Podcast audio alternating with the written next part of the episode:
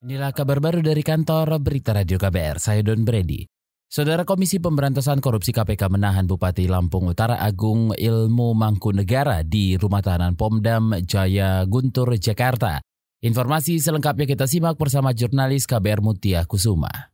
Saudara, Komisi Pemberantasan Korupsi KPK telah menahan enam tersangka kasus dugaan suap kepada Bupati Lampung Utara Agung Ilmu Mangkunegara mereka ditahan setelah menjalankan rangkaian penyidikan dan peningkatan status sebagai tersangka. Juru bicara KPK Febri Diansyah dalam keterangan tertulisnya mengatakan, enam tersangka ditahan selama 20 hari pertama di rutan yang berbeda. Bupati Agung ditahan di rumah tahanan Pomdam Jaya Guntur, lalu Raden selaku tangan kanan Bupati Agung ditahan di rutan kepolisian Metro Jakarta Pusat. Sementara pihak swasta yang berperan sebagai pemberi suap, yaitu Hendra dan Chandra, ditahan di rutan kepolisian daerah Metro Jaya, Kemudian Kepala Dinas PUPR Lampung Utara Syahbudin ditahan bersama Kepala Dinas Perdagangan Lampung Utara Wan Hendri di Kepolisian Metro Jaya Timur. Diketahui sebelumnya Komisi Pemberantasan Korupsi KPK menetapkan enam orang tersangka dalam kasus ini.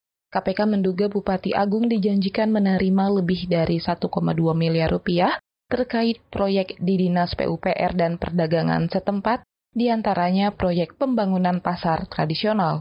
Dari Gedung Merah Putih KPK, Mutia Kusuma Wardani untuk KBR. Polri menyiagakan 27 ribu personel gabungan untuk mengamankan acara pelantikan Presiden dan Wakil Presiden pada 20 Oktober mendatang di Jakarta.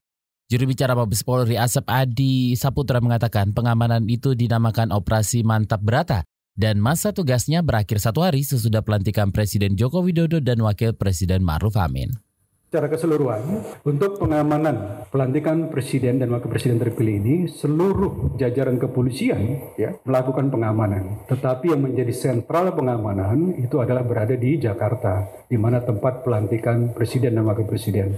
Untuk itu Polri mempersiapkan ya tenaga pengamanannya sebanyak 27 ribu personil. Ini terdiri dari TNI, Polri, dan juga pemerintah daerah serta beberapa instansi yang terkait.